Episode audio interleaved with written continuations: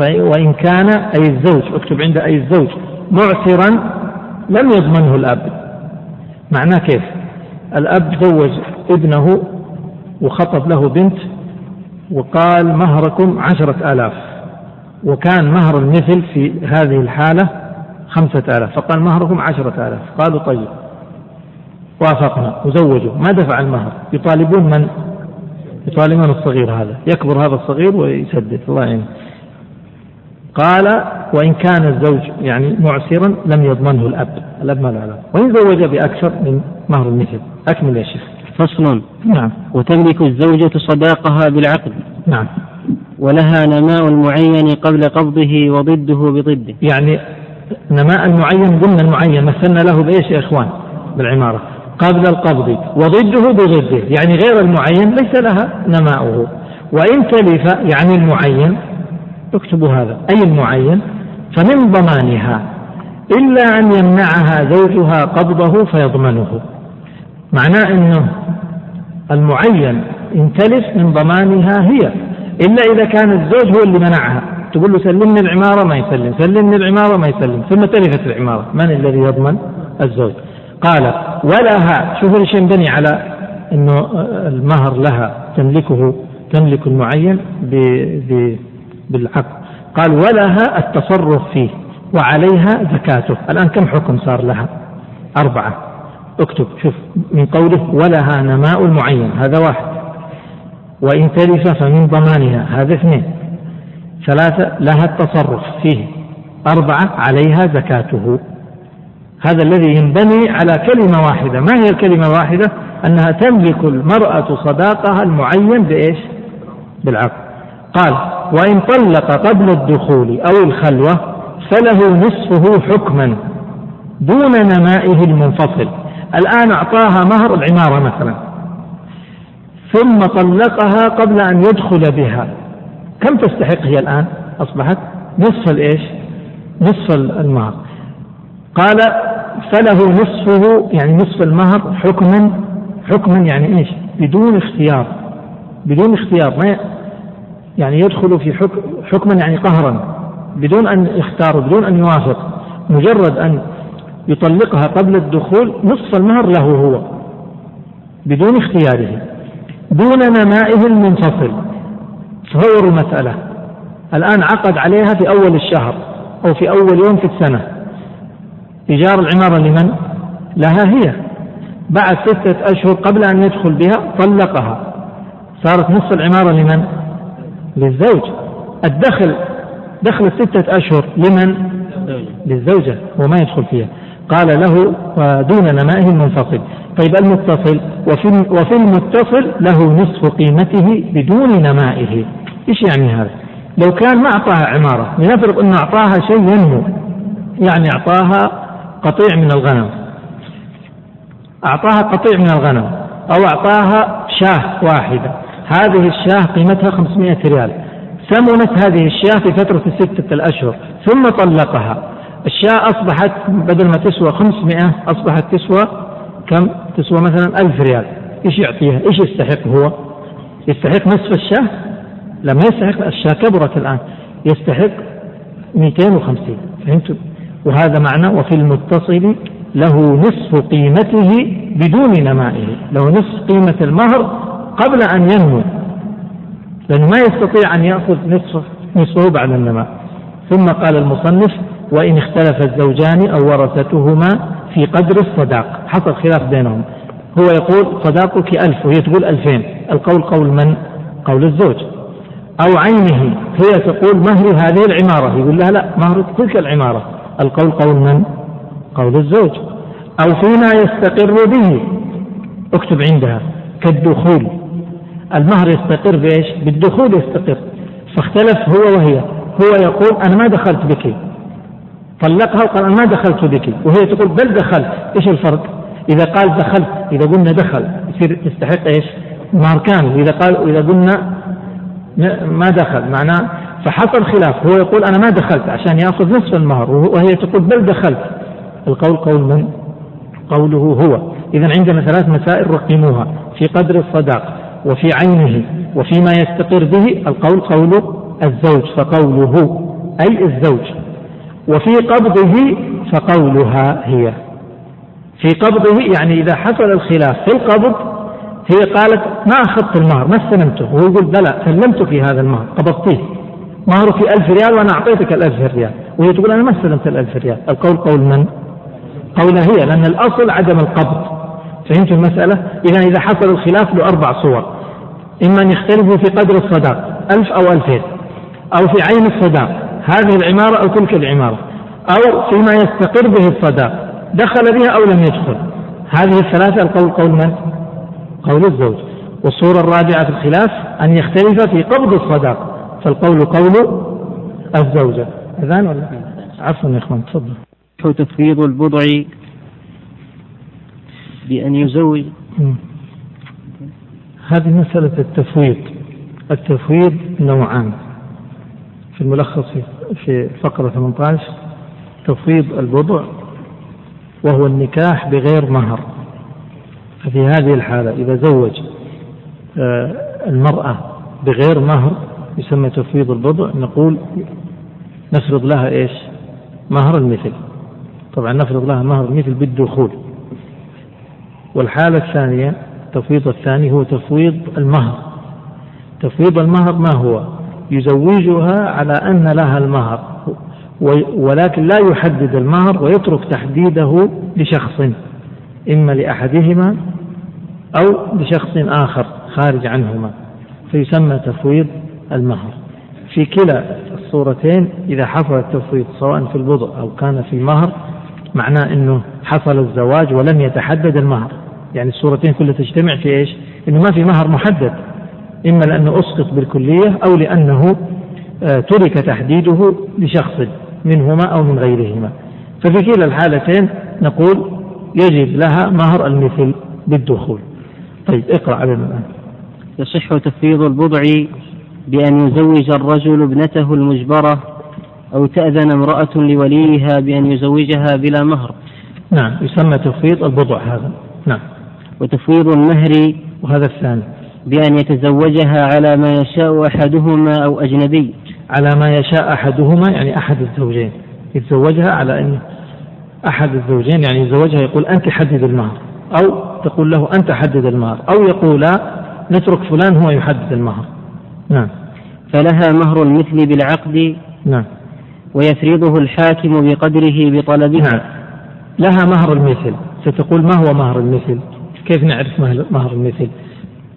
يعرف مهر المثل بتحديد الحاكم.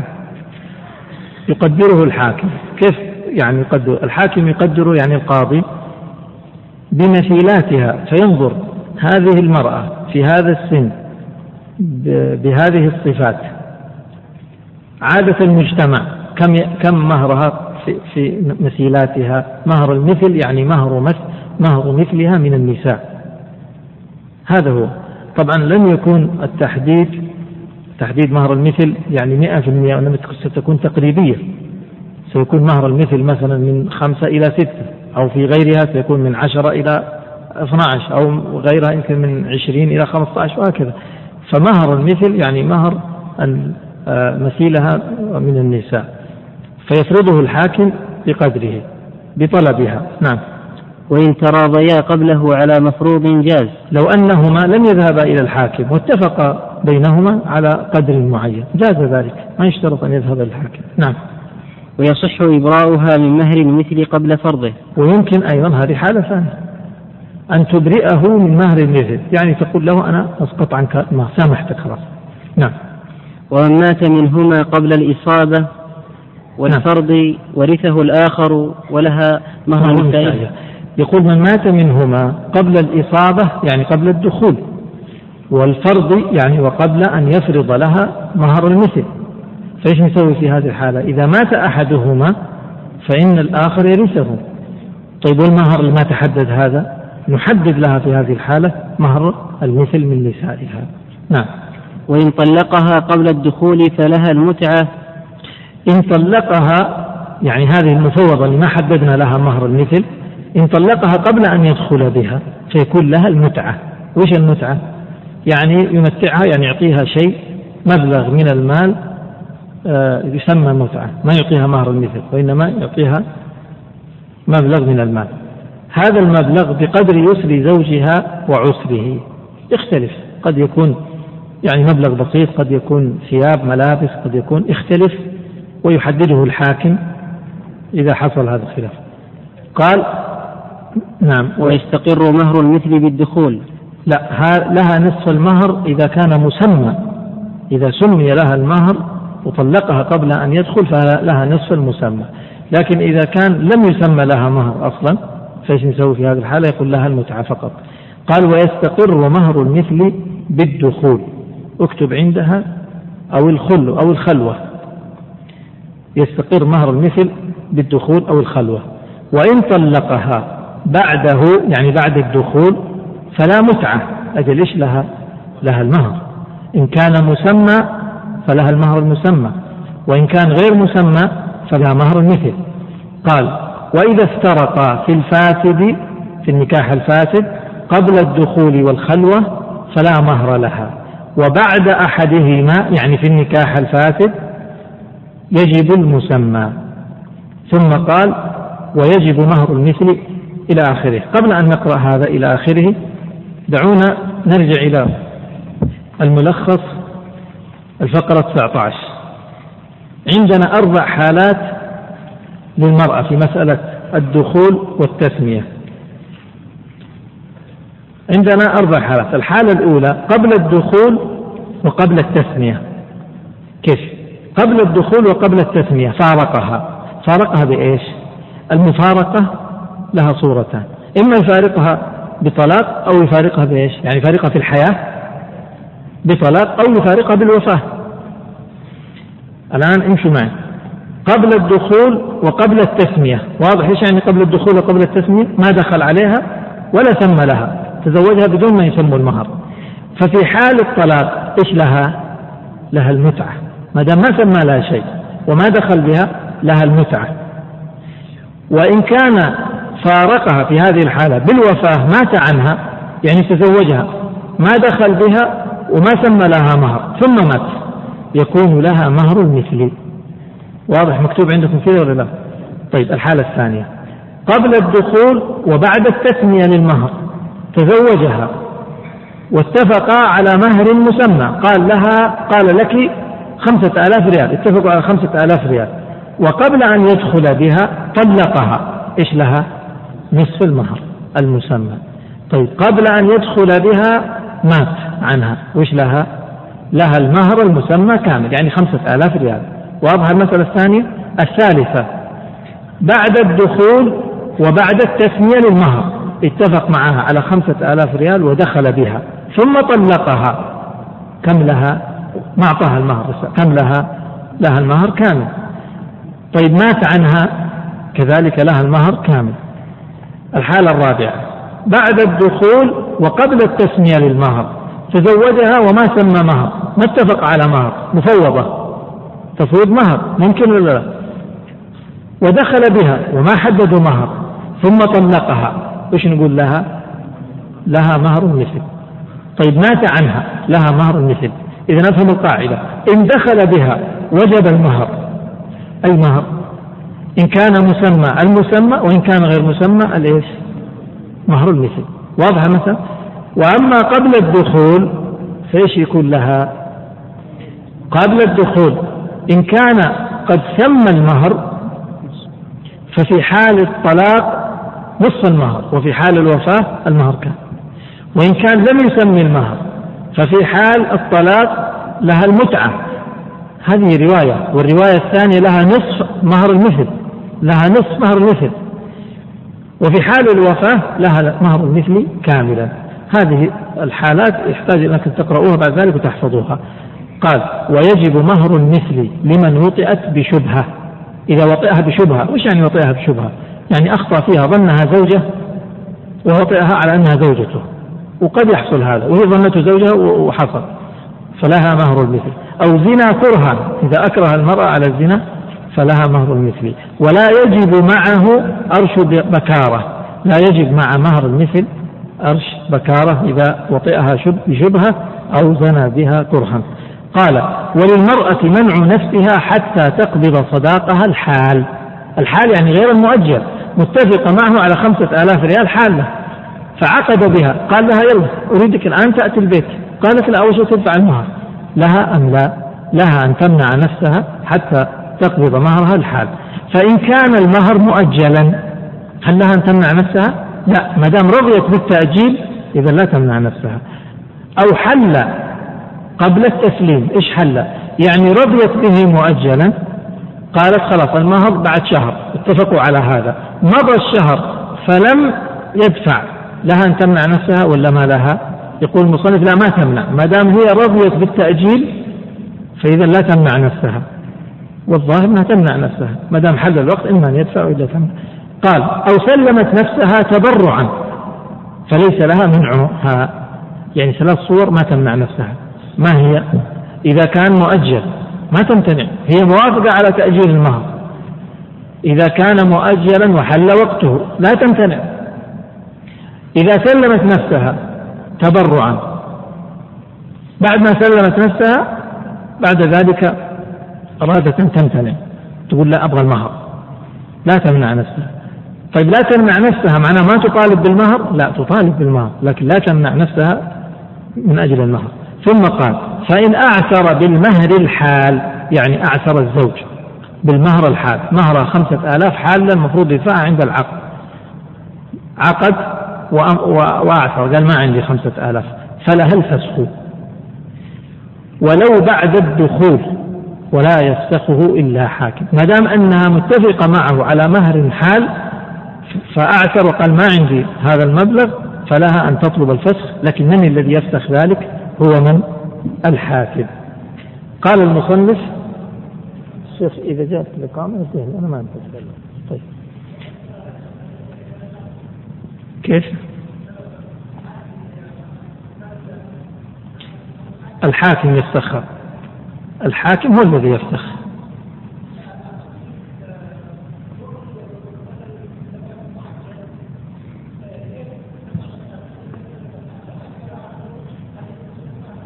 اي طبعا ياثم إذا ما ما يحق له ذلك فيأثم.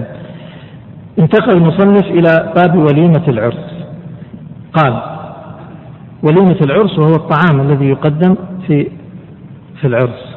قال تسن يعني وليمة العرس بشاة فأقل أو لم ولو بشاة. وتجب ما هي تجب؟ قال تجب يعني حضور وليمة العرس. متى تجب؟ تجب بشروط. رقم الشروط الله يحفظكم. تجب في أول مرة. هذه واحد. أول مرة. وش أول مرة؟ أول مرة أحيانا بعض الناس الزواج وليمة العرس عنده يسوي ثلاثة أيام. فما هو الواجب؟ الحضور متى؟ أول يوم. في أول مرة. هذا واحد. إجابة مسلم أن يكون الداعي مسلم. هذا اثنين يحرم هجره. يعني يكون هذا مسلم لكنه آه لا يجوز هجره. ومن الذي يجوز هجره؟ العاصي العاصي صاحب المعصية صاحب البدعة. فمن جاز هجره إذا لا يجب إجابة دعوته. يحرم هجره آه إليها إن عينه. إيش إن عينه؟ هذا الشرط الرابع. عينه إيش؟ يعني إذا كانت الدعوة معينة لك. وهل يمكن أن تكون الدعوة غير معينة؟ نعم. يمكن أن تكون الدعوة عامة. تسمى الجفلة. دعا الناس الجفلة. يعني قال يا ناس يا أهل المسجد الله يحييكم جميعا. فهل عين الآن شخص معين؟ لا. نقول هذه ليست إيش؟ ليست واجب الحضور في هذه الحالة. قال إن عينه ولم يكن ثم منكر. هذا الشرط الخامس. ليس في هذه الوليمة منكر. ثم قال المصنف فإن دعا الجفل الجفل الدعوة العامة. إن دعا الجفل هذه الصورة الأولى تجب الدعوة أم لا؟ تجب الإجابة أم لا؟ الجواب لا. إذا الحالات التي لا تجب. واحد فإن دعا الجفل. أو في اليوم الثالث لا تجب. اثنين. أو دعاه ذمي. صاحب الدعوة ذمي. قال كرهت الإجابة. كرهت الإجابة في أي حالة؟ في الثلاث الحالات. وهي إذا كانت الدعوة عامة أو كان في اليوم الثالث أو كان الداعي ذمي. ثم قال ومن صومه واجب دعا وانصرف. لو كان هذا الذي حضر الوليمة كان صائما. وهذا يتصور إيش؟ أن الوليمة ما هي في الليل الوليمة في الغداء في الظهر في العصر. فإن كان صائما صوما واجبا فإنه يدعو وينصرف. عليه كفارة أو عنده أو عليه مثلا قضاء شرع فيه هذا صوم واجب ما يستطيع يفطر قال والمتنفل يفطر إن جبر يعني إن جبر قلب الداعي.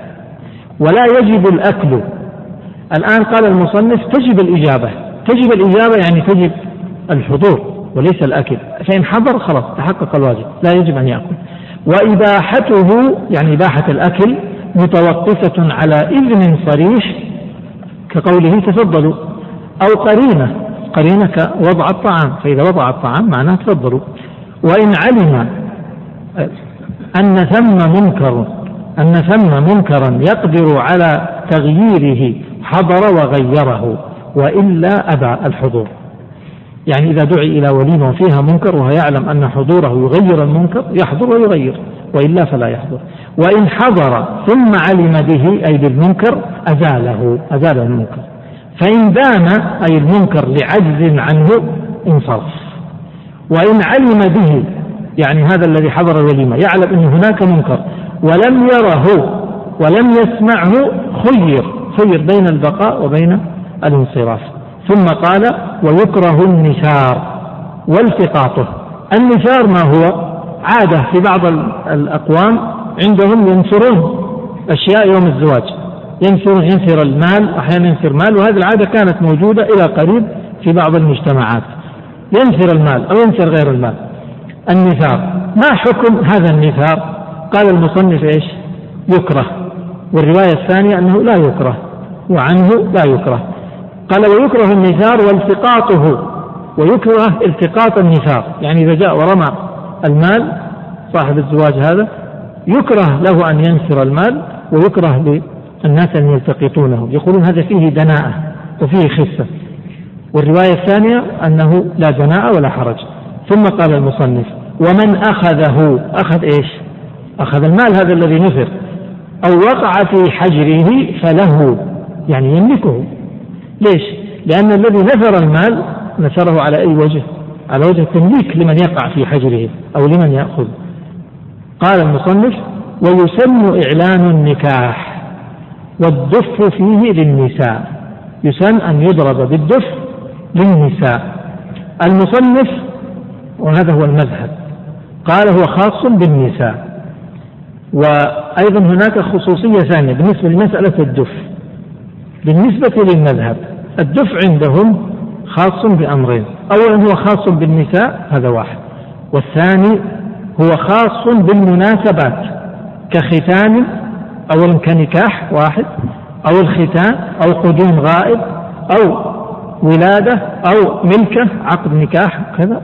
فهذه المناسبات هي التي يسن فيها آه، استعمال الدف ويكون خاصا للنساء. وهذا لا يعني عدم وجود خلاف. هناك خلاف في المسألة في مسألة أنه هل هو خاص بالمناسبات أو لا. وخلاف آخر هل هو خاص بالنساء أو لا؟ لكن الذي عليه المذهب والمعتمد فيه هو هذا. طيب ونقف عند باب عشرة النساء ونكمل إن شاء الله بعد الصلاة. أولا أذكر بالإخوة جزاهم الله خير أحضروا كتاب لمن سجل اسمه البارحة وطلب كتابا موجود في آخر في آخر المسجد. خارج المسجد. نعم. بعد الدرس في آخر المسجد. والأمر الثاني سؤال موجه للنساء. آه، سؤال له جائزة.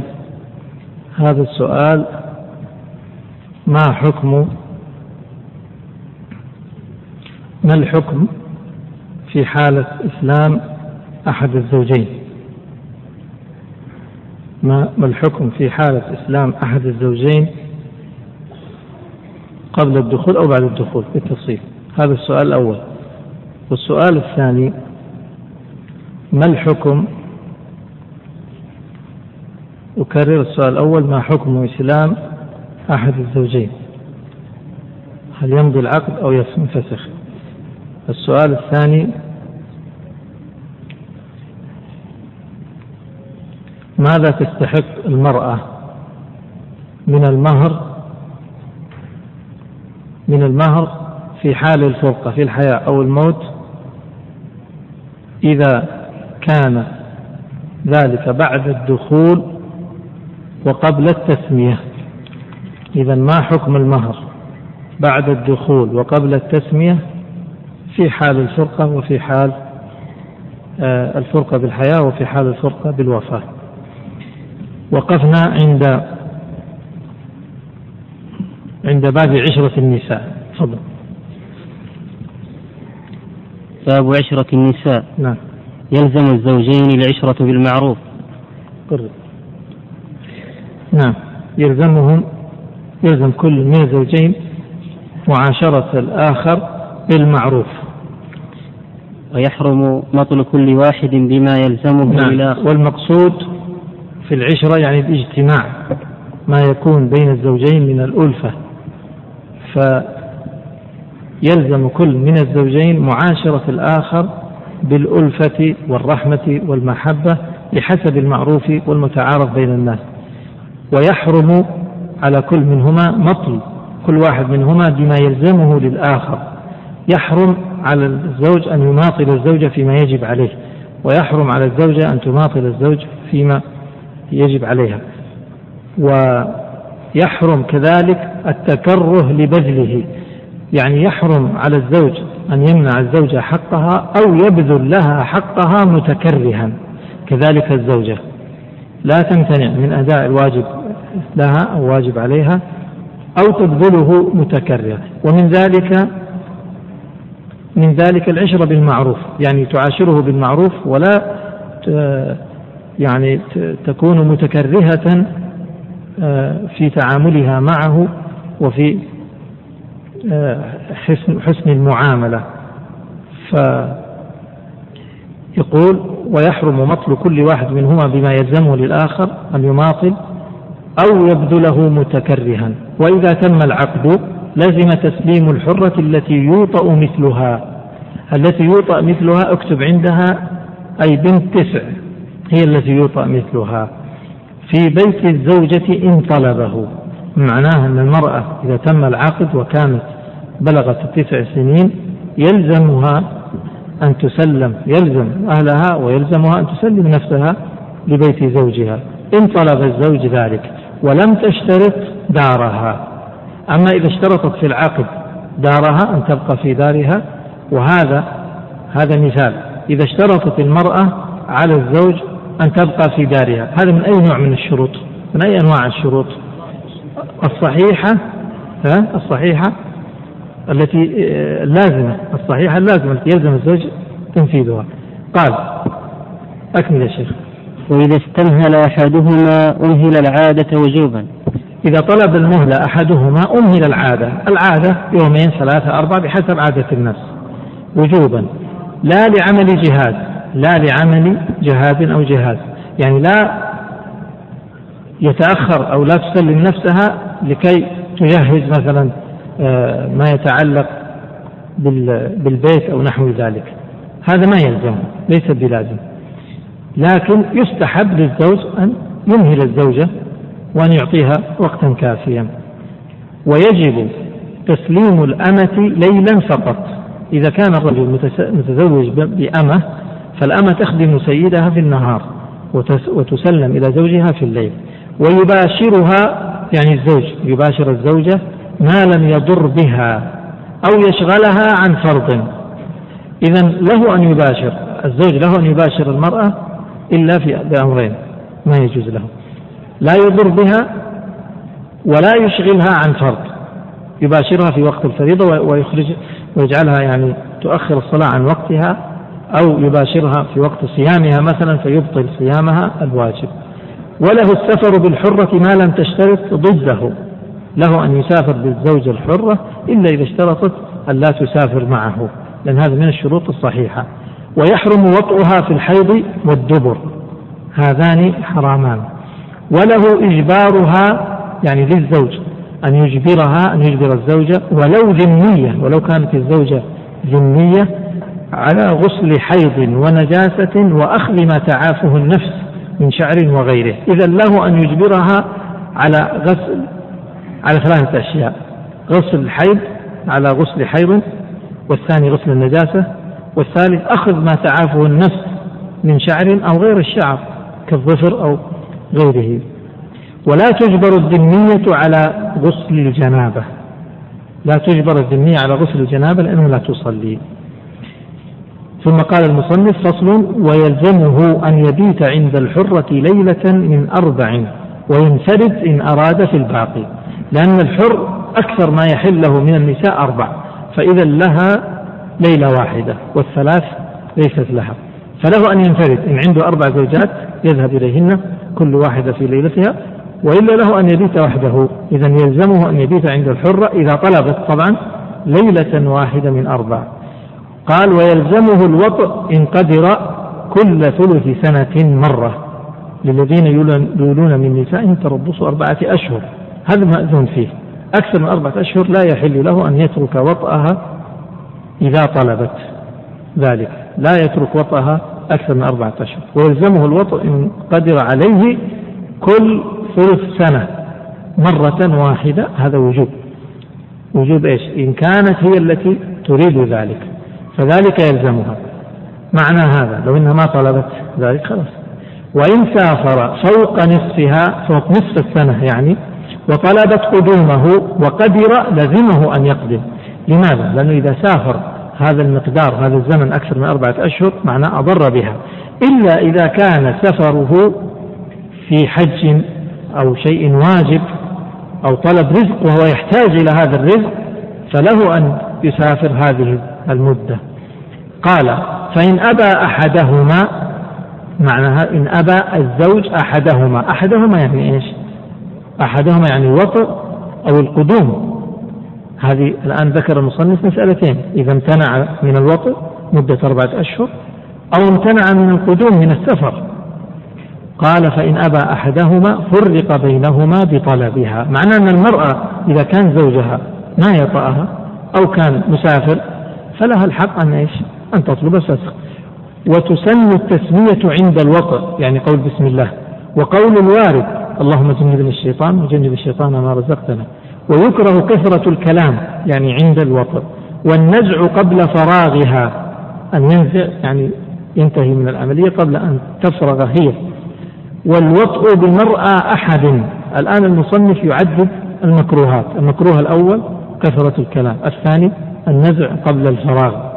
الثالث الوطء بمرأى أحد. ما معنى مرأى أحد؟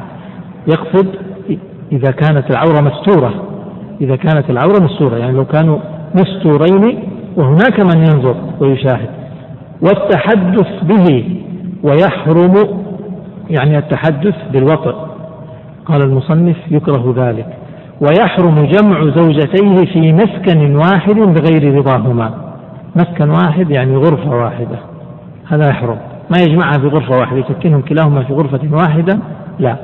لكن إن جمعهم في بيت واحد فيه غرف كل واحدة لها غرفة فلها فله ذلك. والمسألة مردها العرف عرف الناس. قال وله منعها من الخروج من منزله ويستحب إذنه أن تمرض محرمها وتشهد جنازته. إذا له أن يمنعها من الخروج من المنزل ويستحب له أن يأذن أن تمرض محرمها كأبيها أو أخيها وأن تشهد جنازته المقصود مش تخرج في, تشييع الجنازة وإنما إذا مات أن تذهب إلى بيته وأن تحضر يعني غسله ونحو ذلك. وله منعها من إجارة نفسها. إجارة نفسها يعني إيش؟ يعني الوظيفة. له أن يمنعها من أن تتوظف ومن إرضاع ولدها من غيره إلا لضرورة إلا لضرورته ضرورة الولد. معناه له أن يمنعها لو كان لها ولد من زوج آخر وهذا الولد رضيع فله أن يمنعها. ويقول ما ترضعي هذا الولد؟ لأنه يعني يضره ذلك. إلا إذا كانت ضرورة. ما هي الضرورة؟ إذا امتنع هذا الرضيع من الرضاع إلا منها فعند ذلك يجب عليه أن يأذن لها بذلك. قال فصل في القسم.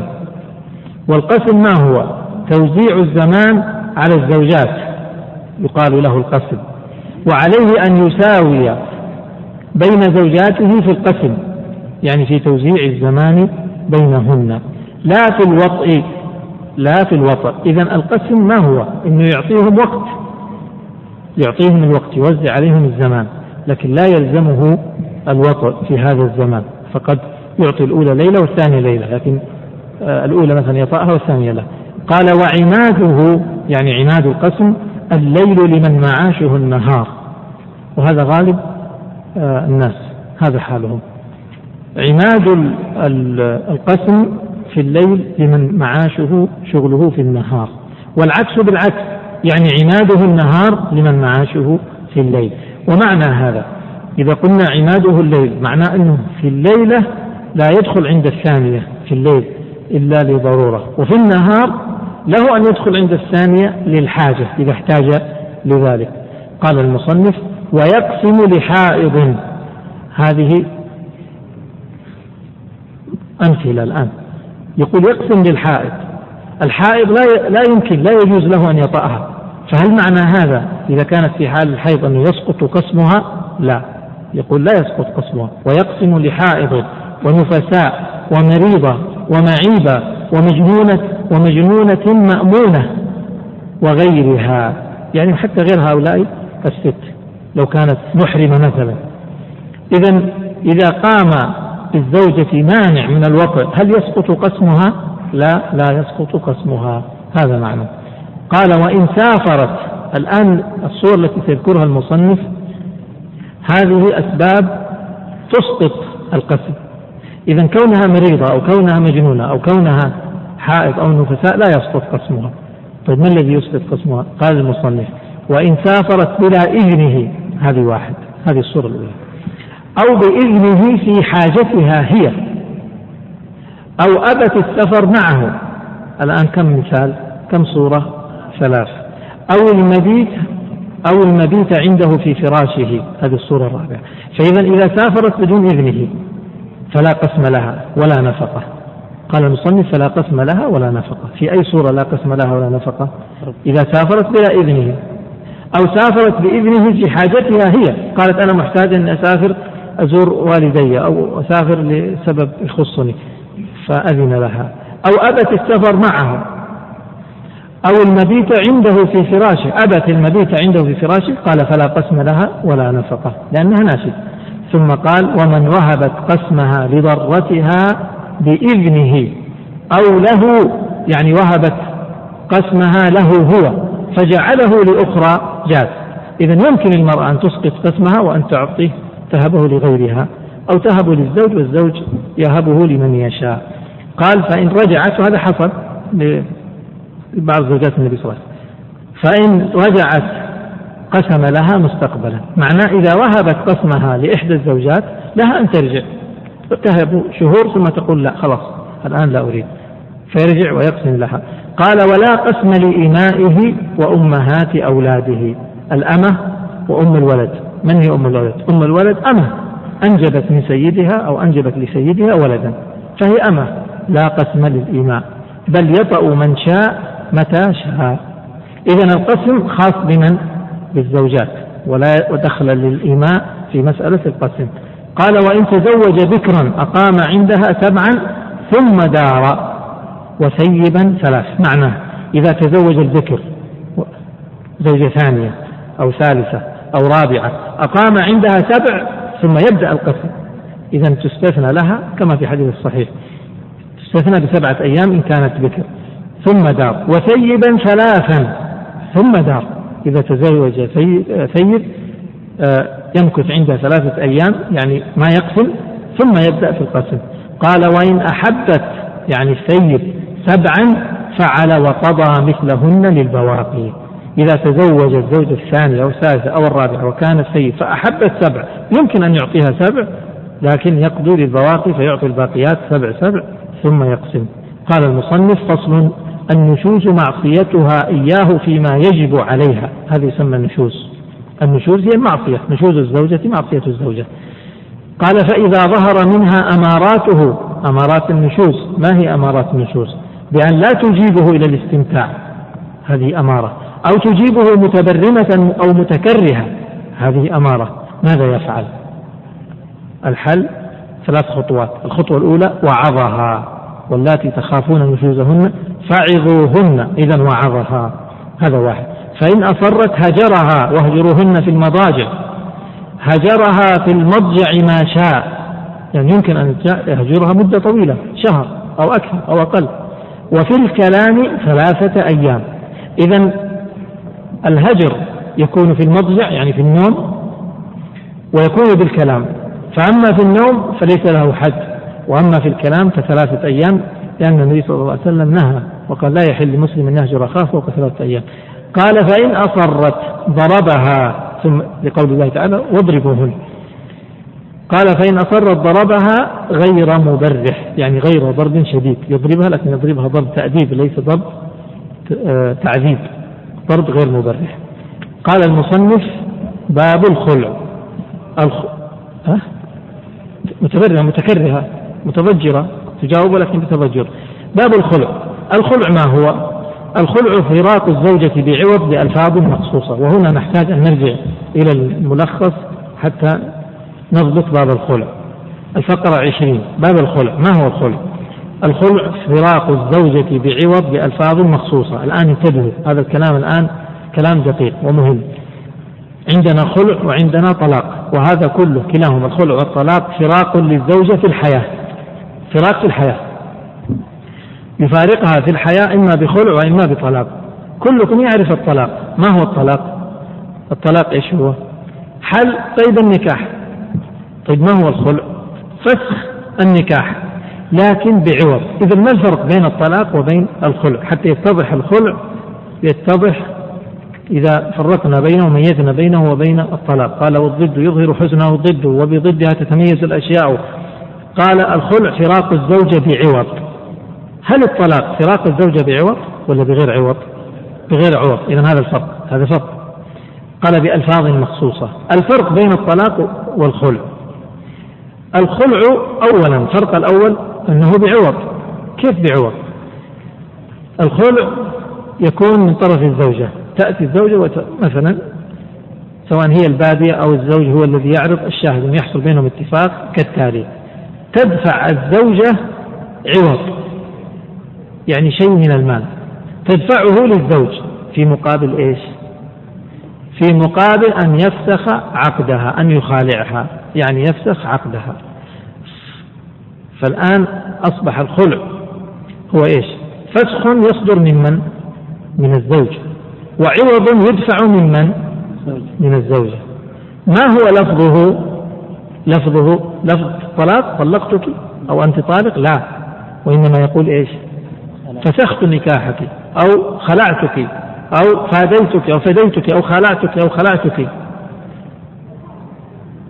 إذا الخلع له ألفاظ مخصوصة وهي لفظ الخلع لفظ الفسخ لفظ الفداء. مكتوب هذا عندكم ولا غير مكتوب؟ غير مكتوب ها؟ الخلع إذا نكتب أمامها. صريحه الخلع والفسخ والفداء. صريحه يعني ألفاظ الخلع الصريحة. الخلع والفسخ والفداء.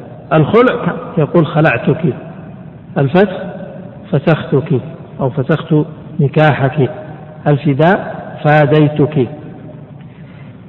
الآن نريد أن نفرق حتى يتضح الآن الفرق بين الخلع والطلاق. عندنا ثلاثة فروق. الفرق الأول الفرق الأول. في رقم واحد عندكم الخلع بلفظه مع العوض. إيش الفرق الأول؟ كونه بعوض. اكتب عندها واحد. عندها واحد. إيش يعني كونه بعوض؟ يعني الخلع فيه إيش؟ فيه عوض. من يدفعه؟ نعم اللي تدفعه الزوجة. طيب يمكن غير الزوجة تدفعه أي أحد من طرفها. ما يدفع من قبل الزوج يدفع من قبل الزوجة. هذا واحد؟ طيب انزل تحت. الطلاق صار إيش؟ بغير عوض. واضح الفرق؟ طيب الثاني الفرق الثاني. يقع بائنا كذا مكتوب عندكم؟ يقع بائنا. والطلاق تحت إيش مكتوب؟ رجعي. كيف؟ الطلاق رجعي. لو قال لها أنت طالق في فترة العدة وقد دخل بها طبعا إذا قال لمدخول بها أنت طالق ففي فترة العدة هي إيش؟ رجعية. ما معنى رجعية؟ يعني هي في حكم الزوجة. يجلس معها ويستطيع أن يردها بكلمة. ما يحتاج إلى عقد جديد ولا يحتاج إلى مهر جديد ولا إلى رضا ولا إلى شهود ولا إلى ولي. ما يحتاج إلى شيء من هذا. هذا في الرجعية. لكن بالنسبة للخلع يقع إيش؟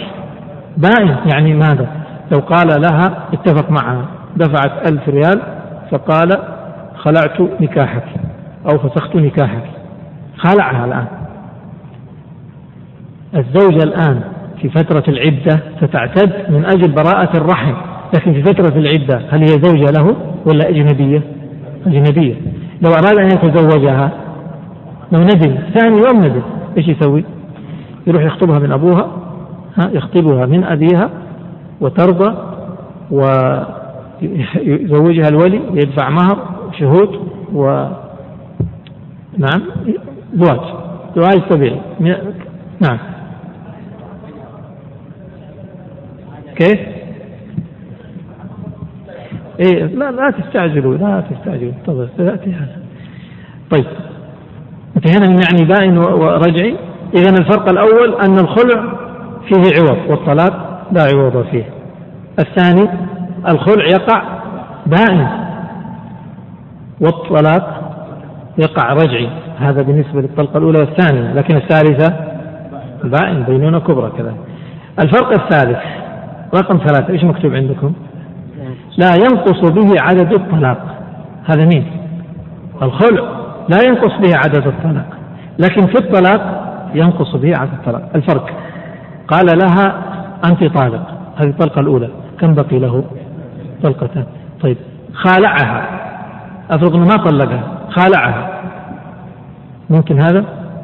خالعها. ثم بعد ذلك ندم فذهب وخطبها فوافقت وزوجها الولي ودفع المهر والشهود. رجعت إليه زوجة كم يمكن؟ كم طلقة باقي له؟ فهمتوا المثل إذا عرفنا الآن فرق بين إيش؟ بين الخلع وبين الطلاق. عرفنا؟ ها؟ لا ما عرفنا. ما عرفنا. طيب خلوكم معي. معلش امشوا معي. الآن عرفنا أن الخلع فيه عوض. ويقع بائن ولا يحسب من الطلاق. انتهينا من هذا. هذا متى؟ هذا إذا كان خلع بلفظ الخلع. واضح؟ طيب ولو كان طلاق بغير عوض إيش إيش يصير؟ يصير؟ يصير بدون غير بغير عوض؟ ورجعي وينقص به عدد الطلاق. واضح هذا؟ إيش الفرق بينهم الآن؟ الفرق بينهم أن هذاك في عوض وهذا ما في عوض. أصبح العوض له تأثير. ما هو تأثير العوض؟ تعرف إيش تأثير العوض؟ بين. كونه بائن. تأثير العوض البينونة. تأثير العوض البينونة. الطلاق عشان ما فيه عوض يقع إيش؟ رجعي. والخلع لأنه فيه عوض يقع إيش؟ بائن. فهمت المسألة؟ طيب الآن نبغى نسوي مزج. إذا صار انتبهوا صار العوض تأثيره إيش؟ البين أثر في البينونة. فإن وجد العوض وجدت البينونة. وإن انتفى العوض انتفت البينونة. صار رجعي. اتفقنا على هذا؟ طيب الأمر الثاني. الطلاق يحسب عدد الطلقات. كنا ما يحسب في الخلع عدد الطلاق ما ينقص العدد وينقص في الطلاق. ما الذي يجعله ينقص ويجعل ما ينقص؟ لفظ الطلاق. لفظ الطلاق تأثيره في عدد الطلاق. تأثيره في العدد. فلاحظوا الآن لما كان الخلع فيه عوض أصبح باين. ولما كان الخلع ما فيه لفظ طلاق لم يحسب من العدد. فهمت المسألة؟ العكس نروح للطلاق الآن. الطلاق لما علم فيه العوض كان رجعيا. ولما وجد لفظ الطلاق نقص العدد. فهمتم المسألة؟ واضحة ولا غير واضحة؟ يهمني الآن وضح هذا وضوح هذا الأمر لأنه سينبني عليه الباب. نريد أن نمزج الآن. كيف نمزج نأخذ شيء من الخلع وشيء من الطلاق. فخلونا نأخذ نقول خلع بلفظ الطلاق. يعني خالعها بلفظ الطلاق أو بنية الطلاق. إيش الأثر؟ لاحظوا. خلع يعني في عوض لكن لفظه أو نوى الطلاق. إما تلفظ بالطلاق أو نوى الطلاق. ما الذي سيتغير؟ سيتغير أنه من حيث البينونة سيكون إيش؟ باين ولا رجعي؟ باين. ما دام في عوض فهو باين. ونية الطلاق ستؤثر في العدد فسينقص العدد. فهمتم؟ إذا إذا كان الخلع بنية الطلاق أو بلفظ الطلاق فسيكون بائنا مع نقص العدد. طيب نروح للطلاق. هب أنه طلق بعوض. إيش يصير؟ نفس المسألة. طلق بعوض. قال لها أنت طالق؟ واتفق معها على ألف ريال. وقال أنت طالق. إيش اللي حصل؟ نفس الكلام. صار خلع بنية الطلاق. معناه إيش؟ سيقع بائن لوجود العوض وسينقص العدد لوجود لفظ الطلاق. فهمتوا هذه المسألة؟ طيب. هيا الآن نقرأ هذه المسألة. في 21 تأثير العوض هو إيش؟ البينونة. وتأثير الطلاق هو أو نية الطلاق هو نقص العدد. واضح؟ الطلاق بعوض. ماذا يقع؟ بائن وينقص به العدد. واضح يا مشايخ؟ اللي مو واضح يرفع يده يقول ما هو واضح. بس يرفع يده وساكت وأعيد اثنين الخلع بعوض بلفظ الطلاق أو نيته ماذا يقع؟ بائن وينقص به العدد. إذا لاحظوا يا إخوان إذا كان خلعا بنية الطلاق أو كان طلاقا بعوض أصبح شيء واحد. اتفقنا على هذا؟ طيب نريد مزيج آخر. رقم ثلاث الخلع بغير عوض مع نية الطلاق. إيش رأيكم؟ خالعها بدون عوض ونوى الطلاق هذا صار إيش؟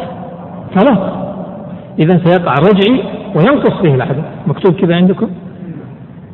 طلاق رجعي وينقص به العدد.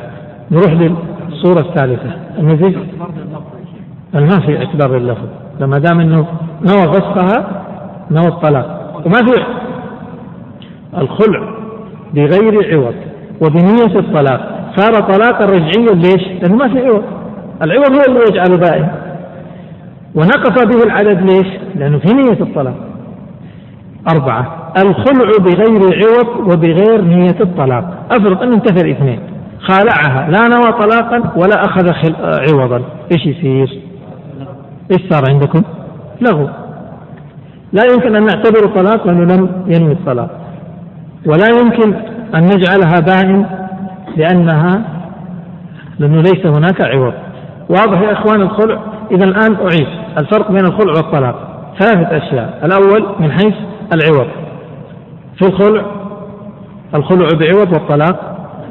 طيب الثاني من حيث البينونة. الخلع بائن والطلاق رجل. الثالث العدد نقصان العدد. في الخلع لا ينقص العدد وفي الطلاق ينقص العدد. طيب مثال. رجل طلق امرأته طلقة واحدة. أصبحت رجعية.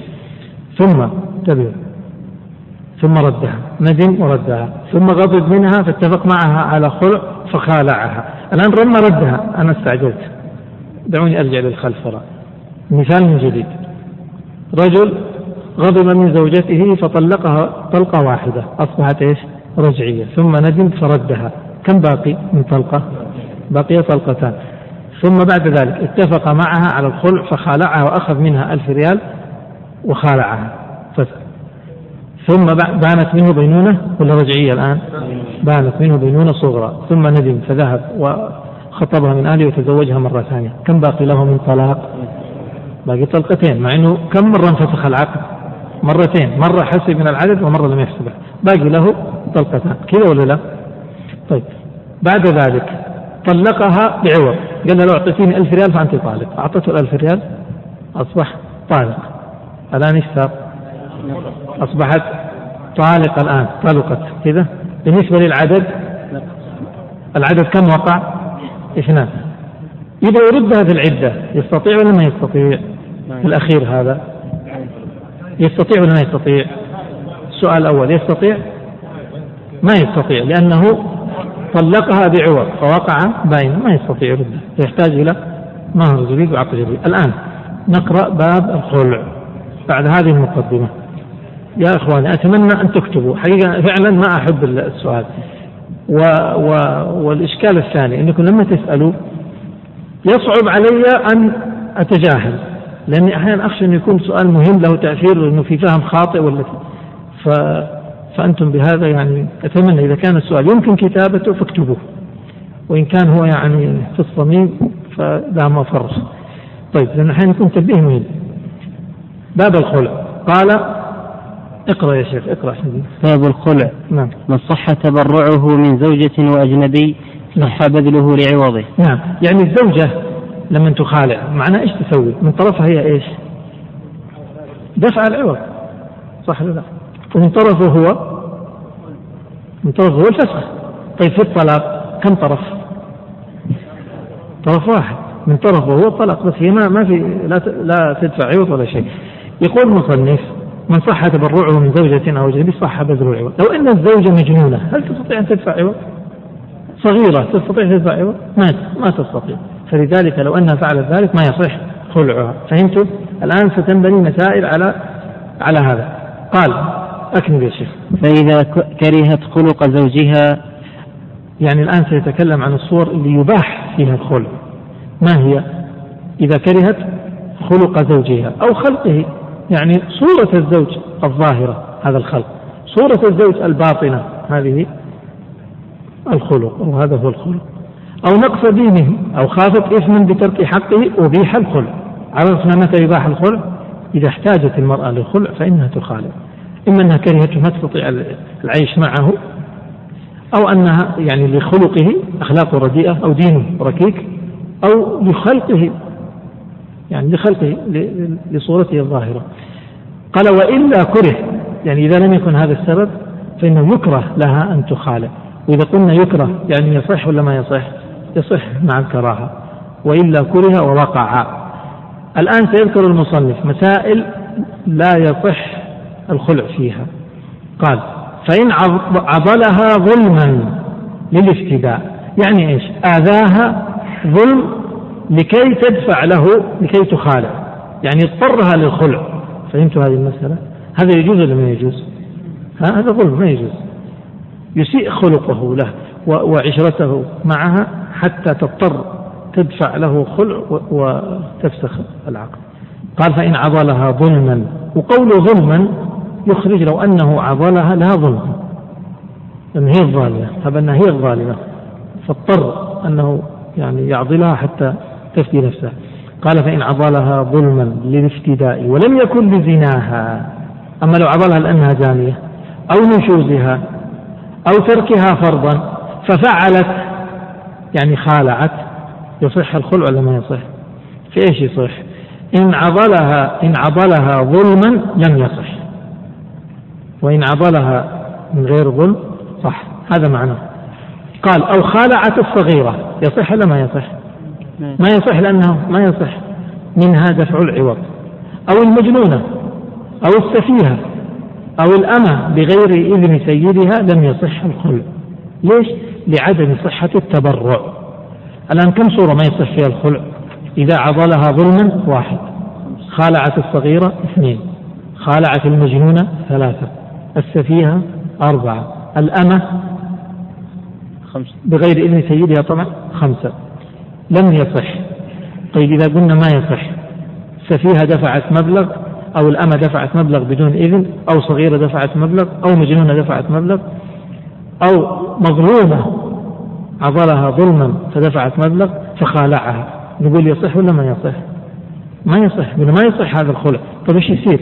ما الذي يحدث؟ وش نعتبره؟ قال كيف؟ قال ووقع الطلاق رجعيا إن كان بلفظ الطلاق أو نيته. إذا انتبهوا في هذه المسائل يقول ما يصح فيها الخلع. صغيرة دفعت مبلغ لزوجها قالت خلاص خالعني فأعطاها أخذ المبلغ وخالعها نقول هذا يصح؟ دفع العوض هنا يصح؟ ما يصح. فإذا ما يصح دفع العوض إيش اللي يترتب عليه؟ سننظر.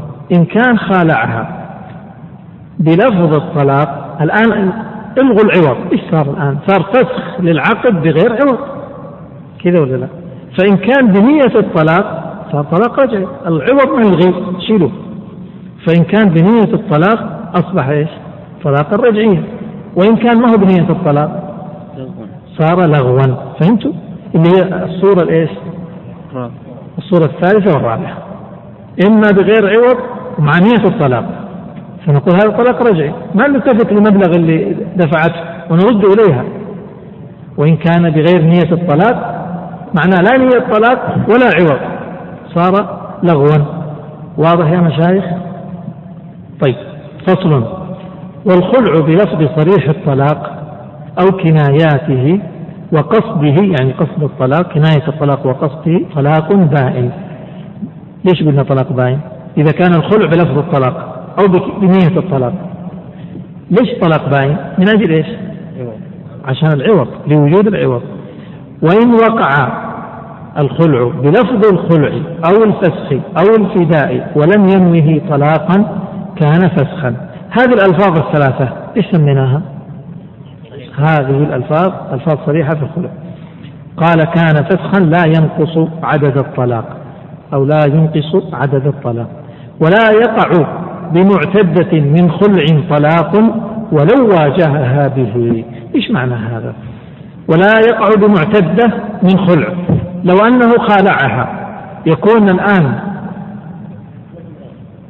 يكون الآن الفسخ البينونة اللي بينهم الفراق اللي بينهم تكون باين ولا رجعية؟ باين. خلعها اليوم. خلعها اليوم الأحد. بانت منه. جاء يوم الاثنين قال أنت طالق. تطلق؟ ليش؟ لأنها باين ليست لكن لو طلقها اليوم طلاق رجعي اليوم الأحد. وجاء يوم الاثنين قال أنت طالق. يقع ما يقع؟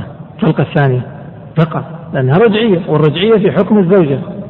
وأما المخالعة بائن أجنبية ليست في حكم الزوجة. قال ولا يصح شرط الرجعة فيه. يعني في مين؟ أي في الخلع. يعني في الخلع ما يصح أن يشترط الرجعة. قال وإن خالعها بغير عوض. يصح يخالعها بغير عوض؟ يصح بغير عوض؟ شوفوا إن كان خلعها بغير عوض سيكون له إلا إذا كان بنية طلاق. أو بمحرم لم يصح. إذا خلعها بغير عوض. أو خلعها بعوض محرم. يعني قال لها أعطيني أعطيني خمر وأنا أخالعك. يصح هذا العوض؟ ما صح العوض. إذا لم يصح العوض كأنه إيش؟ أصبح بدون عوض كأنه خلعها بدون عوض. فنقول إن كانت نية الطلاق وقع طلاق رجل وإن كان ما في طلاق أصبح لغو.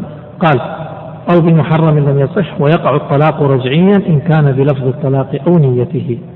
وما صح مهرا صح الخلع به ويكره بأكثر مما أعطاها. أكثر ما أعطاه يعني من مهر. مهرها قلنا خمسة آلاف وافتدت نفسها بعشرة آلاف. يجوز ويصح مع الكراهة.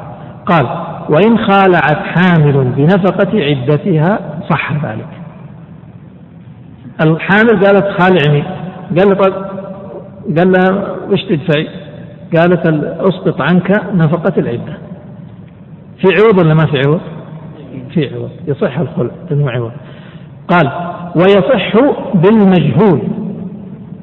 يصح العوض يعني يصح الخلع بالعوض المجهول. يقولون مثل الوصية تصح الوصية بالشيء المجهول وكذلك يصح العوض آه الخلع العوض المجهول. لأنهم يعتبرون أنه في مسألة الخلع يقولون الخلع هو إسقاط لحق الاستمتاع بها وليس تمليك. لأنه إيش اللي يحصل؟ الآن معاوضة. هي ستدفع مال في مقابل إيش؟ فيعطيها إيش؟ فيعطيها شيء يملكها شيء ولا يسقط عن نفسه حق حقه فيها. هذا هو. فيقولوا ما دام أن المسألة ما هي تمليك يجوز بالمجهول. قال ويصح بالمجهول. فإن خالعته على حمل شجرتها أليست هذه صورة من صور المجهول؟ طيب. الآن إذا قلنا يصح الخلع بالمجهول ستكون عندنا مشكلة. ما هي المشكلة؟ إذا كان الخلع مجهول فما الذي يعني يستحقه منها؟ إذا كان الخلع أصلا مجهول العوض اللي اتفقوا عليه مجهول. فهمتوا علي؟ الآن المصنف يبين إذا إذا كان العوض مجهول ماذا يستحق الزوج من المرأة؟ قال فإن خالعته على حمل شجرتها وهذه صورة للمجهول. أو أمتها حمل الأمة فهذه صورة للمجهول. أو ما في يدها تعطيني اللي في يدك واللي في يدها مجهود هذه صورة. أو ما في يدها أو بيتها من دراهم تعطيني اللي في البيت ما في الصندوق من دراهم في البيت. أو متاع أو على عبد صح. وله مع عدم الحمل والمتاع والعبد أقل مسماه. معناه إذا خالعها على حمل الشجرة فينتظر. يشوف الشجرة هذه وش الثمر اللي تأتي به؟ له ما جابت ثمر أبدا. إيش يعطيه؟ تعطيه أي ثمر. طيب حمل الأمة. الأمة أفرض أنها أسقطت ما في حمل. معناه يعطيها أي أي مولود لعبد إذا خالعت على ما في يدها من دراهم أو ما في بيتها من دراهم أو متاع خالعت على ما في يدها من دراهم تعطيه كم؟ ثلاثة دراهم. لأن ما وجدنا. خالعت على ما في يدها. رحنا شفنا إيش في يدها ما في يدها شيء. إذا تعطيه در... ثلاثة دراهم. لأن هذا أقل المسمى أقل الجمع. أو قالت أعطيك اللي في البيت. الفلوس اللي في البيت الدراهم اللي في البيت. معناه لها كم؟ ثلاث. متاع أو عبد مجهول. فمعناه تعطيه أي متاع وأي عبد قال والعبد أقل مسماه ومع عدم الدراهم ثلاثة. قال فصل ختم المصنف بمسائل. المسألة الأولى رقمها رقم واحد. إذا قال متى أو إذا أو إن أعطيتني ألفا فأنت طالق هذه صورة من صور الخلع ولا لا؟ إذا أعطيتني ألف فأنت طالق هذا نسميه إيش؟ طلاق بماذا؟ طلاق بعوض طلاق بعوض سيحسب في الطلاق ويكون باين إذا فأنت طالق ماذا قال المصنف؟ طلقت اكتب عندها مهم اكتب عندها بائنا طلقت بائنا. إيش يعني طلقت بائنا؟ يعني سيحسب من العدد ولن تكون رجعية. بعطيته فأنت طالق قال طلقت بعطيته وإن تراخى. الصورة هذه واضحة ولا لا؟ قال إن أعطيتيني ألف فأنت طالق فأعطته ألف. إيش اللي يحصل؟ هذا نسميه طلاق بعوض. طلاق بعوض. فسيكون باين وسيحسب من العدد. اتفقنا على هذا وإن تراخى. يعني قال له اليوم إن أعطيتيني ألف فأنت طالق. جاءت بعد أيام وأعطته الألف. أصبح طلاق بإيش؟ بعوض. الصورة الثانية رقم اثنين. وإن قالت اخلعني على ألف أو بألف أو لك ألف ففعل. هذه عكس. قالت اخلعني على ألف ففعل. قال خلعتك. استحق الألف ولا ما استحق؟ استحق الألف. بانت واستحقها. فهمنا الصورة؟ الثالثة. إذا الصورة الثانية. قالت اخلعني على ألف. قال خالعتك إذا يستحق الألف ولا لا؟ لأنه خالعها مقابل ألف باتفاق. الصورة الثالثة اكتب رقم ثلاثة. وطلقني واحدة بألف. فطلقها ثلاثة. استحقها. قال طلقني طلقة بألف. لو قال لها أنت طالق. استحق الألف ولا لا؟ طيب وش يقع الطلاق؟ باين لأنه طلاق بعوض. قالت طلقني واحدة بألف طلقها طلقتين. استحق الألف وكانت باين. ثلاثة كذلك. عكسه قال وعكسه بعكسه. عكسه بعكسه يعني إيش؟ تحتاج كتابة. طلقني ثلاثا بألف فطلق واحدة. إيش يصير الطلاق؟ إيش يصير الطلاق؟ وهل تستحق العوض؟ عكسه طلقني ثلاثا بألف فطلق واحدة. إيش يصير نقول لا يستحق شيء والطلاق رجعي. ولا لا؟ أكررها. عكسه بعكسه. قال طلقني ثلاث بألف طلقها طلقة واحدة. هل وفر الشرط الآن؟ ما توفر. هل هذا طلاق بعوض؟ ولا طلاق رجعي؟ لو كان بعوض صار باين لكن هذا رجعي. هل له أن يطالب بألف؟ لا ما يطالب بألف. واضح يا مشايخ؟ وعكسه بعكسه. قال إلا في واحدة بقيت. يعني لو أنها من زمان طلقت طلقتين. فالآن قالت فطلقني ثلاث بألف. فقال أنت طالق. أصبحت هذه الواحدة تكملة لثلاث. استحق؟ استحق. وسيقع بائن بطبيعة الحال لأنها الثالثة. طيب هذه وعكسه بعكس اكتبوا رقم أربعة أصبحت عندنا أربع صور. قال وليس للأب يا إخوان المسائل اللي, اللي راحت واضحة لأني أنا قلق من ناحية فهمكم. أخشى أن, أن تتكاثر المعلومات فلا يعني لا يكون الفهم كما هو مطلوب. الأربع صور واضحة؟ طيب أكررها بسرعة. قال إذا أعطيتيني ألف فأنت طالق. أعطته الألف. وش صار طلاق إيش نسميه؟ طلاق بعوض. معناه بائن ومحسوب من العدد الصورة الثانية. هي التي قالت. قالت اخلعني ولك ألف. فقال خالعتك. وش صار معناه هذا خلع نعم ما قال طلقني. قال هذا خلع معناها بانت واستحقت الألف. فنحسب من العدد ولا ما يحسب؟ إذا قلنا خلع ما يحسب من العدد. الثالث قالت طلقني طلقة واحدة بألف. طلقها. صار طلاق بعوض باين ومحسوب من العدد. عكسه طلقني ثلاث بألف طلقها واحدة. إيش يصير؟ طلاق رجعي ولا يستحق الألف. إذا نختم قال المصنف وليس للأب خلع زوجة ابنه الصغير. وليس للأب خلع زوجة, زوجة ابنه الصغير. زوجة ابنه الصغير. ولا طلاقها. كيف نتخيل زوجة الابن الصغير؟ الابن صغير وله زوجة كيف بده يخالعها؟ معناه سيستقبل العوض. كيف؟ وسيصدر إيش؟ يصدر إيش؟ يترك طلاق ولا فسخ سيصدر الفسخ والخلع. فهذا الصغير ما يمكن أن يصدر منه فسخ. هل يمكن ان ينوب عنه أبوه في في إطلاق هذا الفسخ نقول لا. فهمت المسألة؟ طيب لو أردنا أن نطلق فنبغى الصغير يطلق. الصغير ما يمكن يطلق. ما نقبل منه الطلاق وهو صغير ما, ما يفهم. فهل ينوب عنه أبوه في الطلاق؟ لا. هذا معنى وليس للأب خلع زوجة ابنه الصغير ولا طلاقها لأنه ما الصغير ما يمكن يصدر منه الطلاق ولا الفسخ ولا الأب ينوب عنه في الطلاق ولا الفسخ. طيب. قال ولا خلع ابنته الصغيرة بشيء من مالها. العكس الآن. هذا أن الأب هو أبو الزوجة. فالزوج قال أعطوني ألف ريال وأنا أخالع بنتكم والبنت صغيرة البنت الصغيرة هل تملك أن تدفع عوض ولا الصغير ما يتصرف في المال ترى هذا كلام مبني على على باب البيوع والمعاملات نحن قلنا الصغير ما يتصرف في المال إلا بإذن بإذن الولي فالآن الصغيرة هل يمكن تبذل مال؟ يمكن تبذل مال الصغيرة؟ الصغيرة ما تبذل مال، الصغير ما يتصرف يا إخوان بالمال. نعم. إلا في حدود ضيقة. لا خلع ابنته الصغيرة بشيء من مالها. فالآن الصغيرة ما يمكن أن تبذل المال. هل يمكن أن ينوب عنها أبوها في بذل العوض حتى يخالعها؟ شوفوا بمالها هي لا لكن بماله هو يجوز. كيف يعني؟ الآن إخواني اللي يدفع العوض من هو؟ من يدفع العوض؟ في الخلع من يدفع العوض؟ الزوجة. طب لو جاء واحد متبرع من الشارع وقال يا فلان خالع زوجتك وأنا أعطيك ألف ريال ولا أعطيك مئة ألف ريال.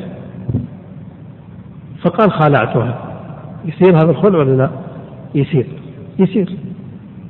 لأنه واحد تكفل وتوكل عن المرأة ودفع عنها العوض. يصح هذا.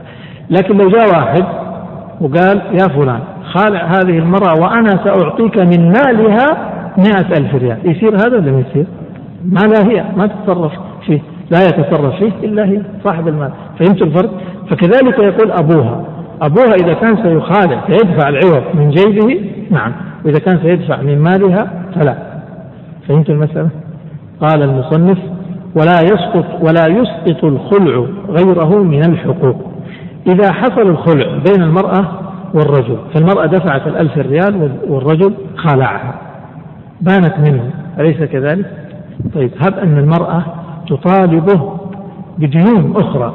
هل الخلع هذا يسقط الديون الأخرى؟ لا يسقطها.